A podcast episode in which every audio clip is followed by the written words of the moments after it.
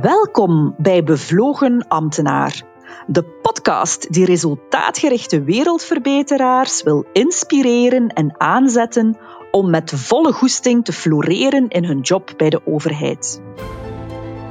Ik ben Geertrui de Kok, een softe pol en sokker en een zakelijke vlerikvrouw. Dus net als een bevlogen ambtenaar ben ik een resultaatgericht wereldverbeteraar. Al ruim tien jaar mag ik als extern procesbegeleider bakens verzetten samen met de meest fantastische ambtenaren. Bij allerlei overheden en openbare instellingen breng ik frisse inzichten en maak ik ruimte voor bevlogenheid. Zo won mijn klant, de stad Gent bijvoorbeeld, de prijs van de Verenigde Naties voor Climate Change Action met speciale vermelding voor het participatieve karakter van het project. En ik ben daar best wel fier op, want precies daarvoor huren klanten mij doorgaans in.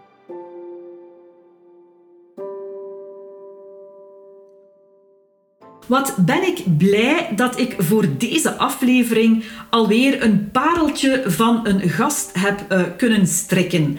Als je het mij vraagt, de oervorm van de civil servant, van degene die ten dienste staat van het maatschappelijk belang, namelijk de brandweerman.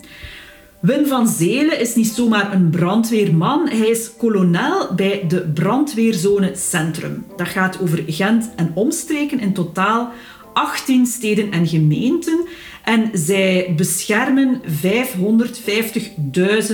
bewoners. Dus 550.000 burgers uh, die in die zone vallen. Dus toch wel een ferme uh, aantal.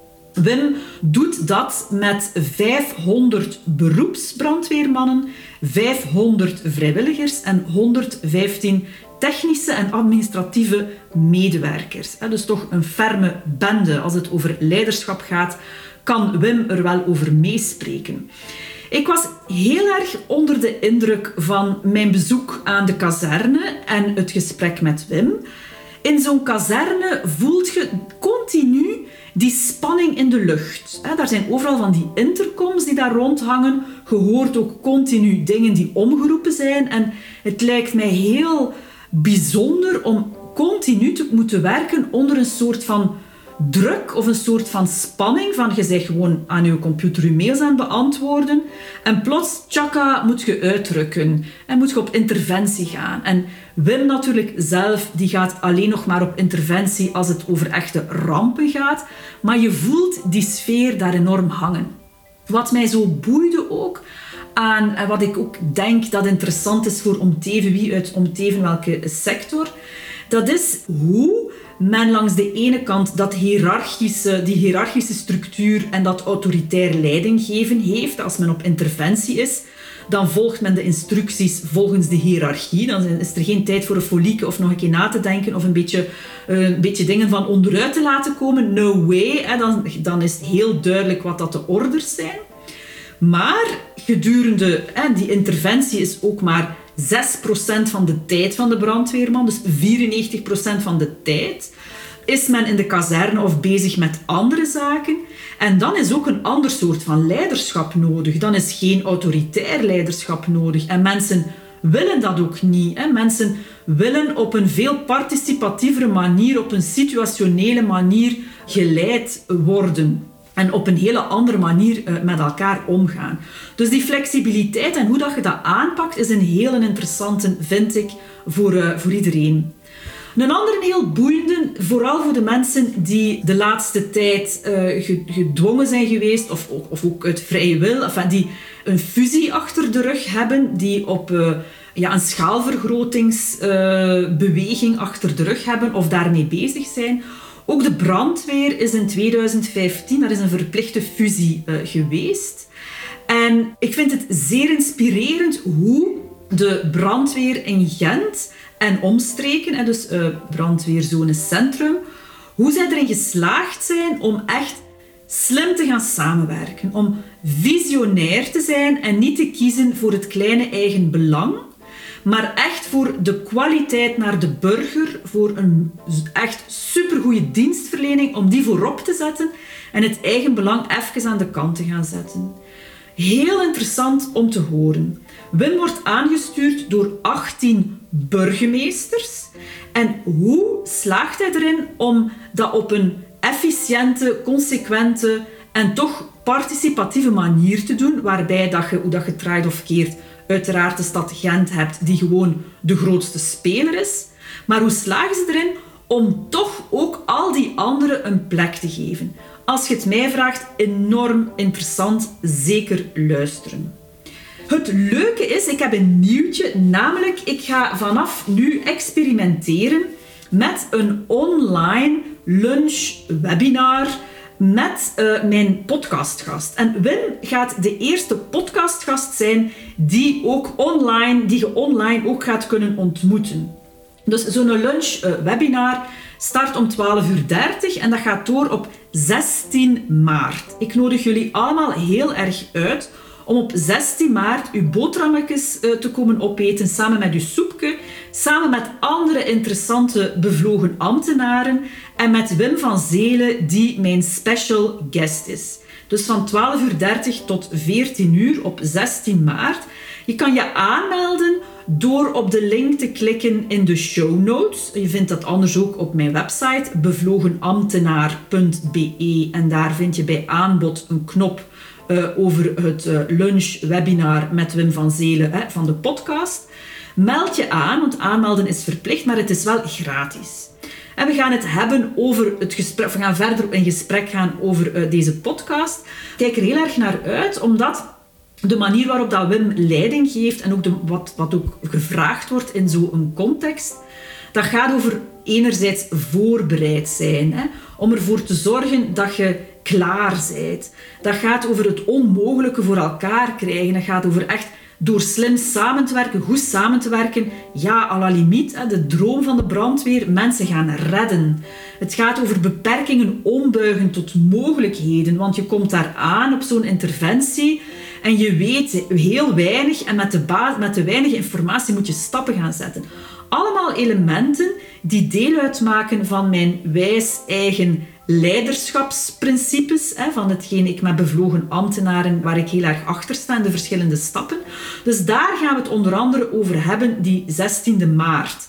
Over hoe geef je leiding, hoe pak je dat aan, hoe ga je uh, om met een enorme grote flexibiliteit die gevraagd wordt. Uh, Wim heeft het over de fusie. Enfin, het is een een interactief gesprek waar ook jij vragen kan stellen en waar we ook onder elkaar in gesprek gaan. Het wordt gegarandeerd een heel boeiende middag die 16e maart. Kom zeker af, schrijf u in op de link in de show notes. Breng ook uw collega's mee als je mensen hebt waarvan je denkt dat is ook iets voor die persoon. Breng die mee. Het is uh, gratis, maar des te waardevol. Goed, en luister zeker tot het einde van dit gesprek met Wim, want op het einde geeft hij jullie een hele typische brandweerhint, een tip. Eentje die ik, ik denk voor de rest van mijn dagen ga onthouden. Heel veel luisterplezier met Wim van Zelen. Wim, ben jij een bevlogen langs de ene kant en langs de andere kant ambtenaar? Iemand die bij de brandweer werkt, ziet hij zich als ambtenaar en zijde jij bevlogen? Hoe kijkte jij daarnaar?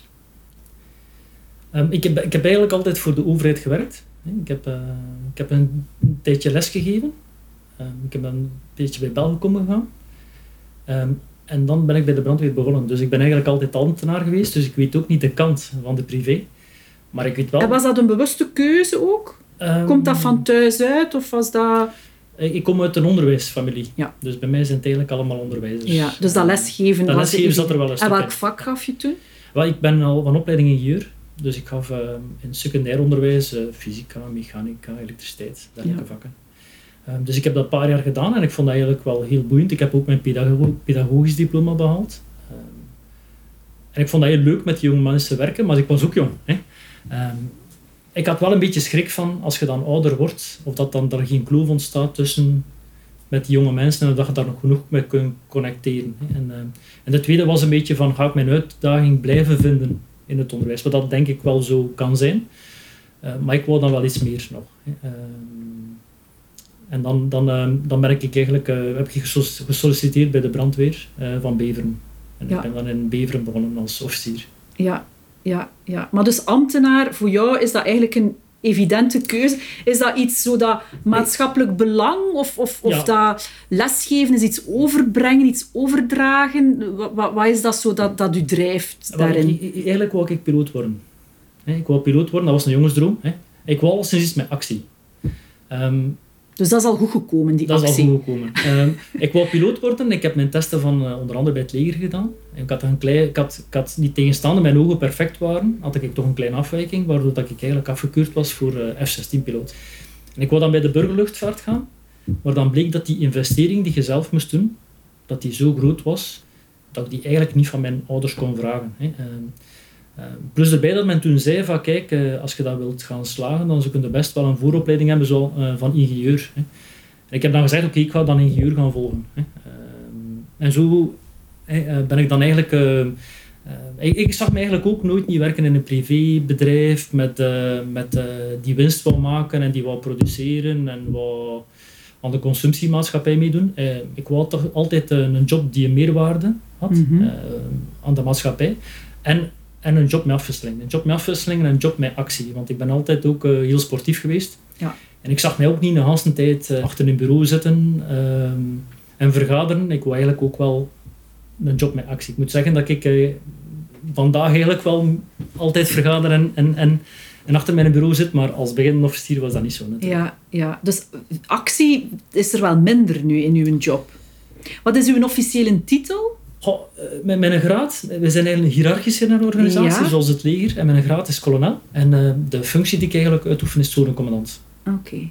Ja. En zonecommandant, dat is dan specifiek voor de brandweer? Uh, ja, ja, ja, ja, Bij de politie noemen ze dat voor korpschef. Oké. Bij de brandweer zones. En de commandant van de zone is de zonecommandant. Oké. Technische interventie.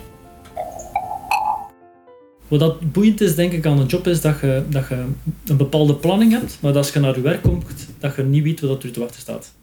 Dus je komt op dienst en, en je kunt een heel rustige dag hebben met vergaderingen, maar je kunt in één keer ook een zwaar incident hebben. Hè. En dat betekent dat je eigenlijk alles laat vallen, dat je je kleren aandoet en in één keer in een andere modus moet gaan. Hè. De modus van, van rustig naar eigenlijk uh, ja, een soort uh, autopiloot. Hè waarin dat je je interventie goed moet afhandelen. Hè. En uh, dat kan zijn dat je, dat je een planning hebt bijvoorbeeld in het begin van de dag en dat je het een en het ander wou doen, maar dat er niets van in huis komt omdat je een hele dag bezig geweest bent met een interventie. En het is ook zo als je met een interventie bezig bent, dat je een dag enorm snel vooruit gaat. Ja. Hè, de dag kan soms traag vooruit kruipen, maar als je op interventie bent en je bent mensen aan het helpen en je moet van alles regelen, dan vliegt een tijd. Hè. Um, dat betekent dat je wel natuurlijk problemen met je agenda kunt krijgen, maar dat maakt ook het uh, boeiend natuurlijk. Dat je, en vandaag, allee, dat, is, dat is het leuke aan de brandweer. Ik bedoel, dat wij eigenlijk opgeroepen worden voor een heel uitgebreid scala aan interventies. Dat kan gaan van branden en iedereen denkt aan brandweer. Maar brandweer is ook het minimum van, is eigenlijk het minste van onze taken. Brand, brand gelukkig niet zoveel. Maar uh, technische interventies, verkeersongevallen, uh, stormschade, wateroverlast, incidenten op de baan, op keus van de rijbaan enzovoort. Ik bedoel, wespennesten. Dus we hebben enorm veel. Als, eigenlijk komt het erop neer dat als je hulp nodig hebt en je weet het niet wie dat je moet roepen, dan roepen ze vaak de brandweer. Hè. Ja. En de brandweer is toch wel een dienst die, uh, die altijd paraat staat. Die, uh, die er, en er ook altijd heel snel is. Dus zit daar dan ook dat stuk bevlogenheid uit zichzelf al in? Maar ik denk dat je, ik denk dat je al sinds enthousiast moet zijn. Hè? Dus ik denk als je spreekt over bevlogen, ik denk dat ik alleszins enthousiast ben over de job. Hè? En, mm -hmm. En ik heb dan, ben dan ook sindsdien nooit, nooit niet meer tegen mijn zin ga ik naar het werk. Ik kan mij zo voorstellen, ik, sommige collega's, zelfs in de privé, die zeggen van ik heb geen zin. Hè, en eh, ik heb vandaag geen zin, of ik heb volgende week geen zin, of ik wil iets anders doen. Ik heb dat nooit gehad. Mhm. Hè, ik bedoel, ik heb er soms met mijn vrouw over van ja, wat zou, zou ik dan graag iets anders doen? Ik, ik kan eigenlijk op niets anders komen. Hè, maar dat is wel van, schoon, ja? Om te zeggen van oké, ik zou dat graag gaan doen nee, ik ben eigenlijk nog nooit tegen mijn zin gaan werken. En gaat het soms ook ten koste van? Want ja, als je zo altijd moet klaarstaan en, en vindt uw vrouw uw bevlogenheid ook zo interessant?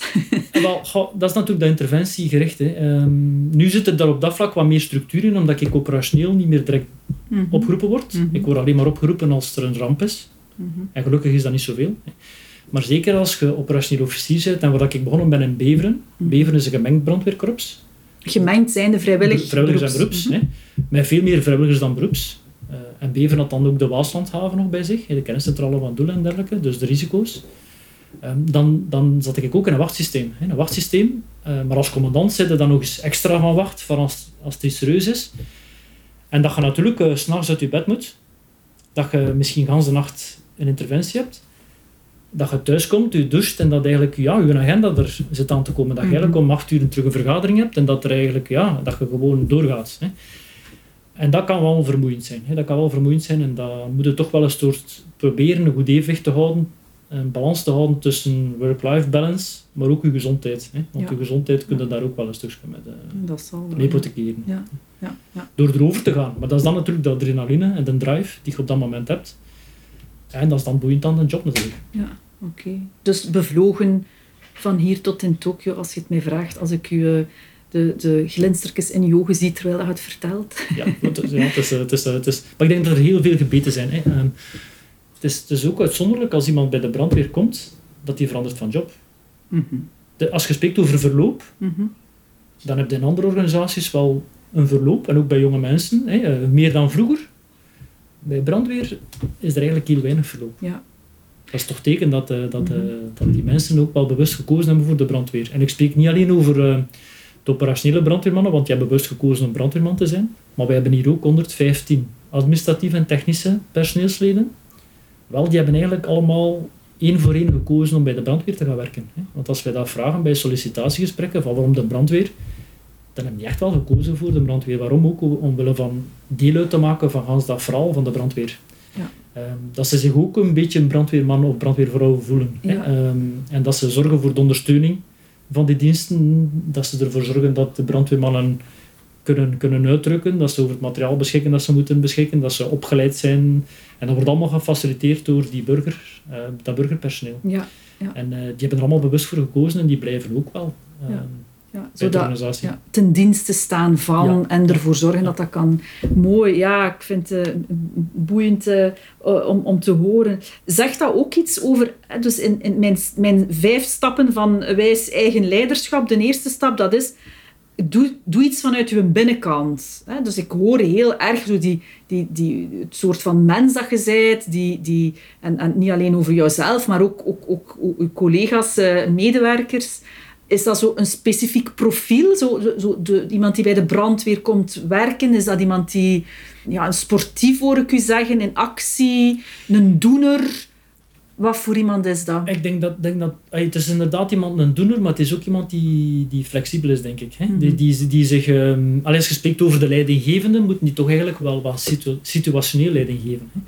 Als je op een interventie komt, dan is de brandweer heel hiërarchisch georganiseerd. En is alle, zit er enorm veel structuren. Iedereen weet wat dat hij moet doen. Hè? ja. Ehm, en daar wordt ook niet over gediscussieerd. Nee. Ehm, Geen foliekes. geen foliekjes, hè, want, want, want, want de operaties moeten vlot verlopen, dan moeten geoliede machines zijn. Maar dat is ook maar een deel van onze taak. Hè. Als je spreekt over interventies, dan is dat misschien ja, maximum 5 à 10 procent van, van de tijd. Die andere 90 procent, als we spreken over beroepspersoneel, die, die spelen zich af in de kazerne, hè, waarbij dat er eigenlijk ook een stuk ja, eh, routine in zit, hè, zoals materiaal controleren, zoals sporten, zoals oefenen, eh, logistieke taken. Eh, maar daarbuiten is er natuurlijk dat kazerneleven dat eigenlijk doorgaat. En dat is, dat is, die mannen leven met elkaar, die mannen en vrouwen leven met elkaar. Uh, gedurende shiften van 12 uur overdag en s'nachts. Dus dat is een heel, eh, een heel andere Ja, dynamiek. ja, ook daarin zit. 24 uur op 24 Dat is, een heel, uiteraard. dat, is een, ja. dat is een dynamiek die daar heerst in die ploegen. Mhm. Ehm, En is dat daar ook hiërarchisch dan zo in die ploeg van de dienen heeft voor het zeggen en iedereen luistert naar die? er is, hoe er gaat is, dat dan? Die hiërarchie blijft, hè. Bedoel, Mhm. de graden blijven bestaan. Maar dat is natuurlijk een andere, een andere dynamiek dan op interventie. Hè. Op de interventie wordt er niet gediscussieerd, wordt er, wordt er geluisterd. Als je spreekt in het kazerneleven, dan wordt er al wat meer gediscussieerd. Hè. Dan wordt er al wat meer, eh, wat meer gepraat. En, eh, en, en, en, en, en, eh, is dat proces helemaal anders. Is er, is er eigenlijk een heel andere cultuur op dat vlak. Dus Mhm. die leider moet zich toch wel een beetje kunnen verplaatsen van een soort ja, autoritair leiderschap op interventie naar een soort situationeel leiderschap in de kazerne, hè, die Mhm. meer empathisch is en meer, meer, meer resulta eh, minder resultaatgericht, maar, maar, maar het proces is daar belangrijker. Uh, want uiteindelijk moeten met iedereen overeenkomen en die moet met elkaar die leven met elkaar, maar ze moeten me kunnen betrouwen op een interventie op elkaar. Dus het is heel belangrijk dat dat vertrouwen onderling, dat dat er is. Ja. Want op interventie moeten ze letterlijk ja, met elkaar door het vuur. Hè. Ja, ja, ja, ja, ja. Dus vertrouwen. Hoe, hoe, hoe gaat dat dan? Hoe, hoe zorg je daarvoor? Of hoe, hoe zorgen die mensen ervoor dat ze die twee petjes kunnen opzetten? Zo van dat langs de ene kant autoritair en langs de andere kant moet daar van een speciaal hout van gesneden zijn? Of kun je dat leren? Of hoe, hoe, kijk jij daarnaar? Ik denk dat dat is zeker een uitdaging voor onze organisatie. Hè? Ehm, want, want iemand bevordert omdat hij een goede brandweerman is, maar daarom is hij geen goede leider. Hè? Ja. Ehm, en het is te veel, en ik denk in veel organisaties dat dat is, hè, dat, je, dat, je, dat je baas wordt, hè, maar dat je, dat, je daar, dat je daar niet echt in ondersteund wordt, of niet altijd in ondersteund wordt. Hè. En, en het, is misschien, het lijkt misschien wel mooi om, om, om een leidinggevende figuur te zijn, en, en ze zien daar meestal ook alleen maar de mooie kanten van, hè, maar het is niet altijd makkelijk. Hè. Het is niet, leiding nemen is niet gemakkelijk, hè, want dat betekent ook bij ons dat je moet, um, dat is niet alleen de leuke kanten. Hè. Je moet ook mensen terechtwijzen. Je moet ook mensen wijzen op hun verantwoordelijkheden. En langs de andere kant moet er, moet er, moet er en dat is moeilijk in onze organisatie, je moet wel erop wijzen, je moet iemand aanspreken, je moet soms iemand sanctioneren. Maar langs de andere kant moet je wel op interventie goed overeenkomen. En je moet elkaar goed verstaan en moet ja. vertrouwen hebben in elkaar. Ja, ja. Um, dus dat is, allee, dat, is, dat is ook iets waar wij enorm op inzetten. Dat is op, op leiderschap binnen de organisatie. En, en en dat is de, een van onze doelen in de toekomst, dat is, dat is de, de leiders meer ondersteunen daarin. Ja. Um, er niet van uitgaan dat je dat toch dat je dat kunt, Dat je dat ja. kunt, maar dat daar ook een, een, een, open dialoog kan over zijn. Dus um, als je spreekt over de dynamiek van een korps, het beste dat eigenlijk een post kan overkomen, het is misschien raar om te zeggen, is een grote brand.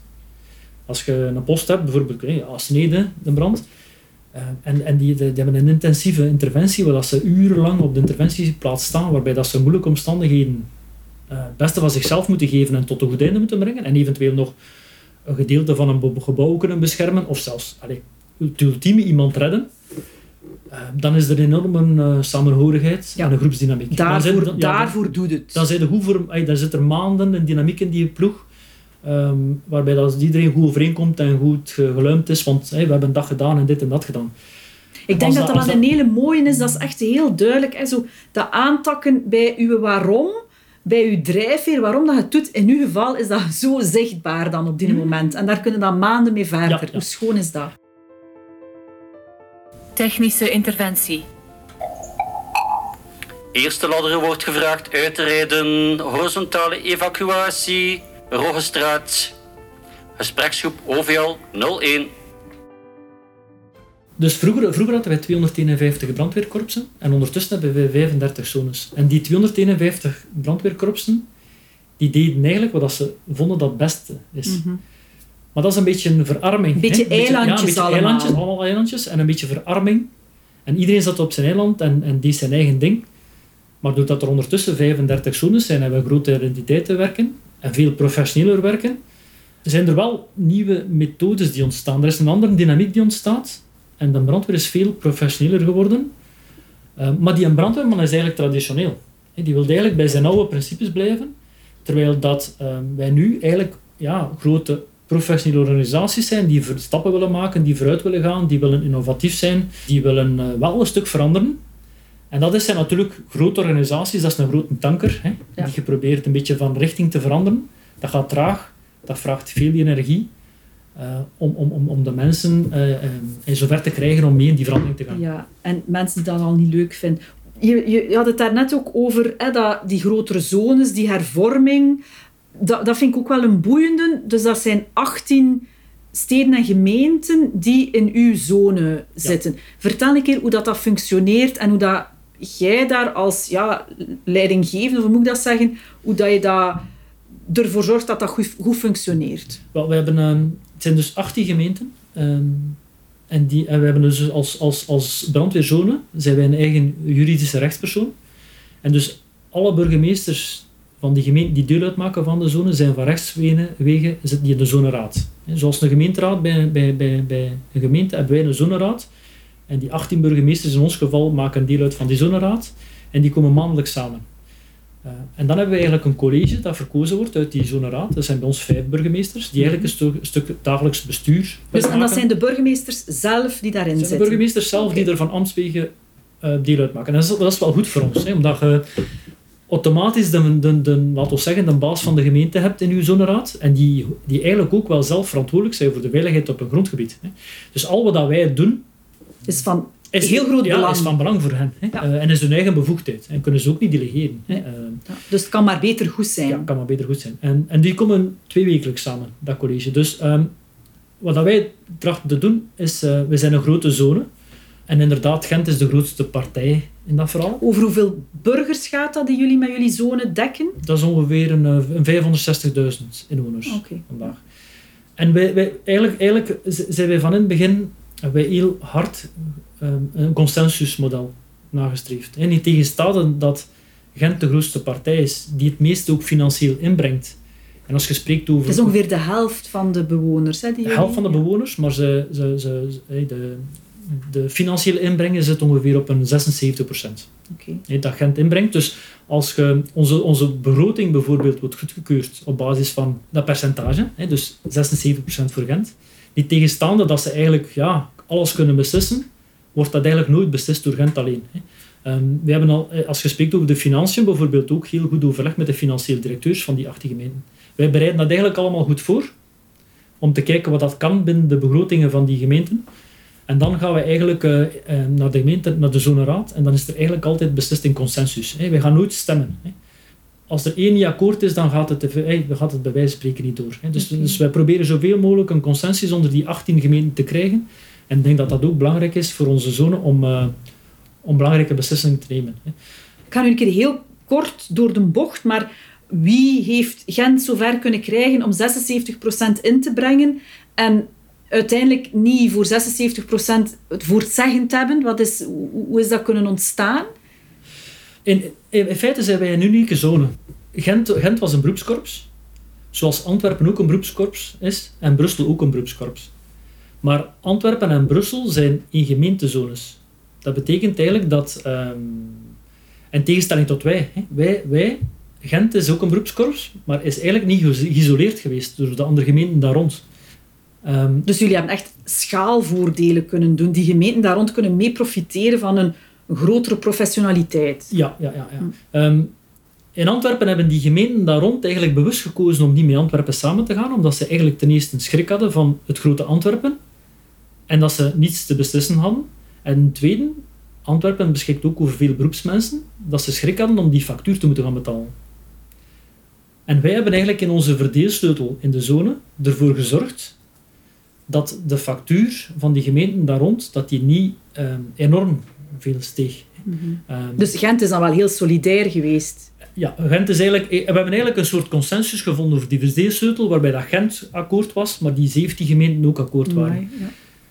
En wat dat belangrijk dan voor onze zone is, dat we op dat vlak wel een, een, een sterke zone zijn, omdat we over 500 beroepen beschikken. En dat betekent dat wij eigenlijk de klok rond ongeveer een 60 mensen op dienst hebben, die eigenlijk een gegarandeerde uitdruk kunnen verzorgen in gans dat gebied van de zone. Maar we hebben ook 500 vrijwilligers, die wij allee, heel flexibel kunnen opschalen. Dus wij kunnen, als we een wateroverlast hebben, dan kunnen wij in één keer een paar honderd vrijwilligers oproepen, die bijvoorbeeld kunnen helpen in Gent. En aan de andere kant kunnen die beroeps, als er te weinig vrijwilligers zijn in die kleinere gemeenten, kunnen die beroeps gaan helpen bij die gemeenten als nodig is. Dus de Dus combinatie van beroeps en vrijwilligers is, Ja. is in onze zone Ja. heel sterk. Dus eigenlijk een, een heel mooi voorbeeld van slim samenwerken. Ja. En hoe zorg je ervoor dat dat marcheert? Hè? Want eigenlijk in Antwerpen, ja, schrik voor het grote Antwerpen. Hier zouden die kleine dat toch ook kunnen hebben. Hoe, hoe zorgen jullie ervoor dat dat werkt? Wat is de sleutel tot succes volgens u? Ehm, ik denk, zo- zo'n verandering vraagt alles zijn tijd. Hè? Dus, dus je, hebt, je hebt beroeps, je hebt vrijwilligers. Over hoeveel wanneer is die, die, die verandering begonnen? Over hoeveel tijd gaat dat? was die ramp in, in Gellingen, denk ik, die zo de aanleiding De was. ramp hè? in Gellingen heeft eigenlijk ehm, besef laten groeien dat, dat die 251 korpsen, wat ik er juist van sprak, dat die eigenlijk niet zo goed bezig waren. Dat dat allemaal eilandjes waren. En dat je eigenlijk eh, een soort dat je sterker waard in grotere zones. hè. Dat je sterker waard, dat je meer, meer eh, de kwaliteit kon verhogen, maar ook de efficiëntie kon verhogen. Ehm, en in 2015 zijn die zones van start gegaan. Dus, eh, dus we zijn ondertussen een zes jaar, hij is een goede zes jaar bezig. Ja. Maar dus er was een ramp nodig om dat, tot dat Ja, inzicht te ja. komen. Maar het is wel mooi om te horen, want ik was mij daar zelf niet van bewust, wat dat, dat in gang gezet heeft. En zeker als ik hier uw zone zie, tot welke kwaliteitsverbetering dat dat heeft kunnen leiden. Voor iedereen, hè, voor de, de hele zone eigenlijk. Ja, ja. Ja dat klopt. Ik denk, denk dat de, de burger is daar zonder twijfel eh, veel beter, eh, Ja. wordt veel beter bediend, aan een hogere kwaliteit, sneller en gegarandeerd. Ja. En waarschijnlijk, om dan nog een keer naar de bevlogenheid van de, de ambtenaar en de brandweerman te gaan, ook veel fijner om te doen. Ja, ja en, en, en, en ook veel meer mogelijkheden. Ja. Ehm, ik, ik, heb het, ik heb het geluk dat ik, ehm, dat ik 18, e- e- eigenlijk ook wel 18 gepassioneerde burgemeesters heb. Hè, die, die, die de veiligheid belangrijk vinden en die bereid zijn om de middelen te investeren in onze zone om een heel ambitieuze zone te zijn.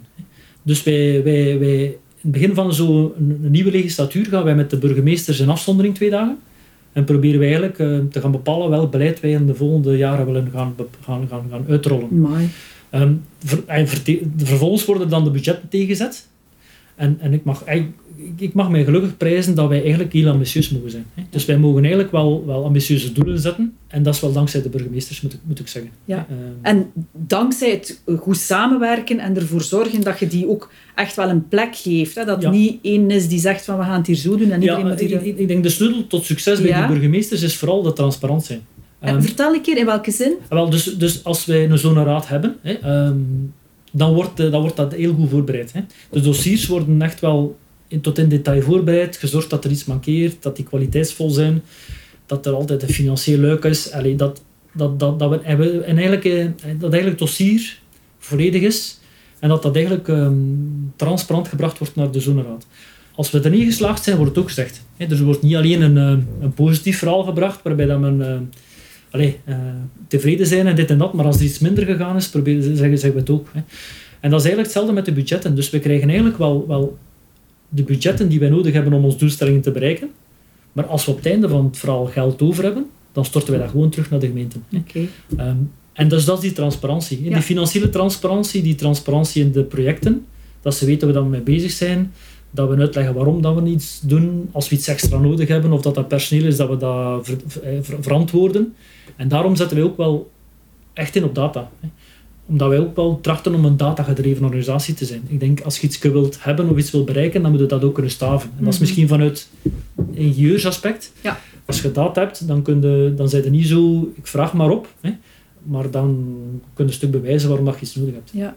Zou ik er ook het woord vertrouwen mogen opplakken? Ik, ik denk dat dat heel belangrijk is Ja. eh, tuss- tussen de burgemeesters en, en onze organisatie of mijzelf.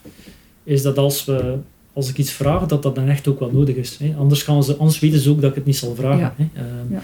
En dat zit zowel in die financiële, hetgeen dat we nodig hebben, als in, eh, in de doelstellingen die we maken. Maar ik denk ook, als ik het zo hoor, ook plaats geven. Allee, hen ook een stem geven. En omgekeerd, je vertelde mij ook, Wim, op zo, als, als je dan een voorstelling moet doen voor je burgemeester, dat jij daar ook niet per se degene zijt die de scepter moest zwaaien, maar dat je ook Ja. je mensen naar plekken geeft. Kan je daar iets over vertellen? Ja, dus als we, een- als we, als we een dossier hebben, dan wordt, dat, dan wordt dat echt wel heel goed voorbereid. Hè. Eh, maar ook kort en krachtig, omdat we weten dat die burgemeesters hè, niet veel tijd hebben. Ehm, en, en laat ons zeggen, de dossierbehandelaar, die, die gaat dat naar voren brengen. Hè. Dus, dus ehm, zodanig dat die burgemeesters ook eens de dossierbehandelaar zien, hè, en niet alleen mij zien. Hè. En dat die dossierbehandelaar daar ook een stukje waardering voor krijgt, hè, voor zijn werk. En dat hij ehm, dat een keer kan tonen aan de burgemeesters, maar ook, ja, hij is de specialist. Hè, als er dan ehm, ehm, vragen komen, dan kan de persoon in kwestie die ermee bezig is ook het antwoord geven. hè. Dus ik denk dat dat een goede wisselwerking is tussen de organisatie en de burgemeesters. En de burgemeesters appreciëren dat ook wel, dat ze een keer iemand zien wie dat er eh, met die dossiers bezig is. Mooi. Heb je zo nog een tip vanuit uw ervaring of uw, uw brandweer zijn of uw, uw thema of die je graag zou willen meegeven aan, aan de luisteraar, aan de bevlogen ambtenaar die nu u bezig hoort en luistert, zo vanuit uw perspectief? Ik denk misschien vanuit het operationele kunnen misschien... Allee, wat wij leren natuurlijk als, als operationeel is kalm blijven. Als, we, als we naar een uitdruk gaat en je komt naar een situatie, dan heb je heel weinig informatie. Dat, dat, is- dat is het heel specifiek aan een, aan een brandweerman natuurlijk. Hè. Eh, wij moeten beslissingen nemen met te weinig informatie. En die informatie die sijpelt dan door. En naar gelang dat je meer informatie krijgt, ofwel blijft je richting uitgaan, ofwel stuurt erbij. Dus ik denk ook in dossiers die wij hebben, of complexe dossiers, um, waar dat je soms denkt van ik, dat gaat nooit niet goed komen. Hè. Um, ik weet niet hoe dat ik er moet aan beginnen, is een stukje in stukken kappen. Hè. En dat je zegt van kijk, ik blijf kalm, hè. Um, we, gaan, we gaan het dossier voorbereiden, we gaan soms het probleem zich oplossen wanneer dat, dat moet opgelost worden. En niet alles in één keer proberen oplossen, maar dat je zegt van kijk, ik ga al stappen zetten. En ondertussen hè, word een beetje wijzer. Wat weet ik en wel is dat een beetje, is dat een beetje een voorschrijdend inzicht. Voilà. Hè? Ja. En, en, en komt de oplossing wel soms uit een, eh, uit een, uit een niet onverwachte hoek. Hè? Een onverwachte hoek en dan, en dan lost het zichzelf op. Of, okay. of, of weet hoe dat je het dan beter oplost. Dus kalm blijven en, uh, en stuk per stuk aanpakken. Dat was het voor vandaag. Ik ben heel benieuwd wat jij van deze aflevering vond en welke inzichten en inspiratie jij eruit hebt gehaald. Vond je het waardevol? Dan wil je de volgende afleveringen waarschijnlijk niet missen. En dan kan je je abonneren op de podcast in iTunes, Spotify of Google Podcasts. Luister je via Apple, dan maak je mij heel blij door een review te schrijven over deze podcast. Wat je ook kan doen, is hem gewoon doorsturen naar jouw collega's, bevlogen ambtenaren, die er volgens jou ook echt iets aan zouden hebben. En wist je trouwens dat Bevlogen Ambtenaar ook een gratis nieuwsbrief heeft? Surf naar www.bevlogenambtenaar.be en op de homepage vind je de knop om je te abonneren. Tot de volgende!